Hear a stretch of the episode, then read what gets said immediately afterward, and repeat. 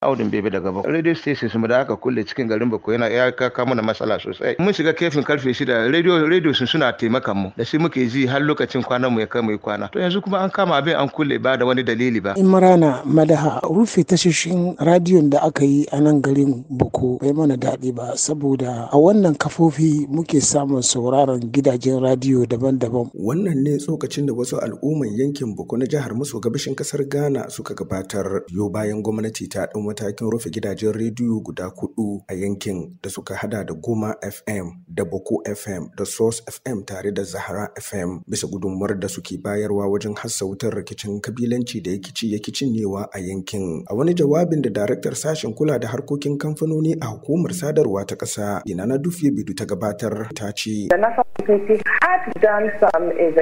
Hukumar tsaro ta ƙasa bayan bincike mai zurfin gaske da ta aiwatar ta tabbatar da cewa waɗannan gidajen rediyo suna ba da gudunmuwa wajen kawo rashin zaman lafiya a yankin Buko. A don haka ta ɗau wannan mataki wanda daman ita ce doka ya ba ta damar ladabtar da masu yada labarai har in suka aikata ba daidai ba. Muna aiki tare da hukumar tsaro ta ƙasa ne domin ganin an samu zaman lafiya a yankin.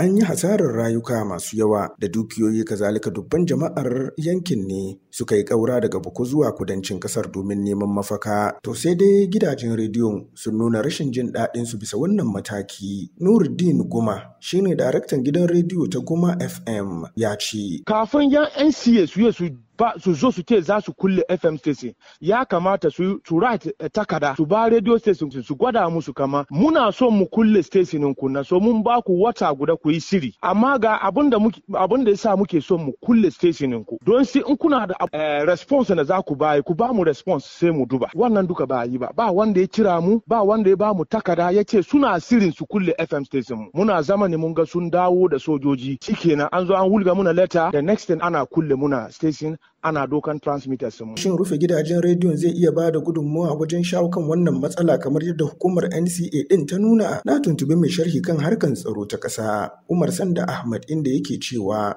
in dai kuma tana lura kamar waɗannan abin da suke sa cikin kunnin mutane zai asasa wani fitina akwai hanya a hana a kare domin daga Rwanda a yayin da radio station sun kai amfani da waɗansu zantutuka da waɗansu kalmomi ya kare kura har an kai fadan kabilan wannan abin zai iya ya faru. To sai dai ta ɓangaren ƙarfafa demokradiyya kuwa shin za iya cewa matakin rufe gidajen rediyon ya saba wa tsarin Sharif Abdulsalam mai sharhi kan al'amuran yau da kullum a ƙasar ya ce ai demokradiyya baya hura wutan rikici. In yau abin da suke yin nan wanda ke babban abu ne yana kawo zaman lafiya yana kawo farace farace a mutanen bako to dole ne ya kamata a sallami wannan tasha a kulle ta don a kawo zaman lafiya. Mun ga kuma cikin demokradiyya ma an yarda domin demokradiyyar ta yi wannan doka electronic communication act act 775 wanda yake ana yi shi ne ana daidaita ayyukan yan tashar rediyo duka baki ɗaya. Sai dai kafin rufe waɗannan gidajen rediyo guda huɗu majalisar wazar da zaman lafiya ta kasa ta buƙaci da gwamnati ta rufe biyu daga cikin gidajen rediyo hudun da aka rufe wato bako FM da Source FM bisa gudunmuwar da ta ce suke bayarwa wajen hasa wutar rikicin kabilanci a yankin a bara. Gwamnatin Ghana ta sha rufe gidajen rediyo saboda rashin sabunta lasisi amma ba saboda matsalan tsaron kasa ba kamar matakin da ta ɗauka kan waɗannan gidajen rediyo huɗu da ke yankin Boko. Tuni da gidajen rediyon sun mika takardar bukatun su gun gwamnati domin ganin an samu nasarar watsa shirye-shirye da ake buƙata maimakon rufe gidajen rediyon Hamza Adam muryar Amurka daga Kumasi. Ghana.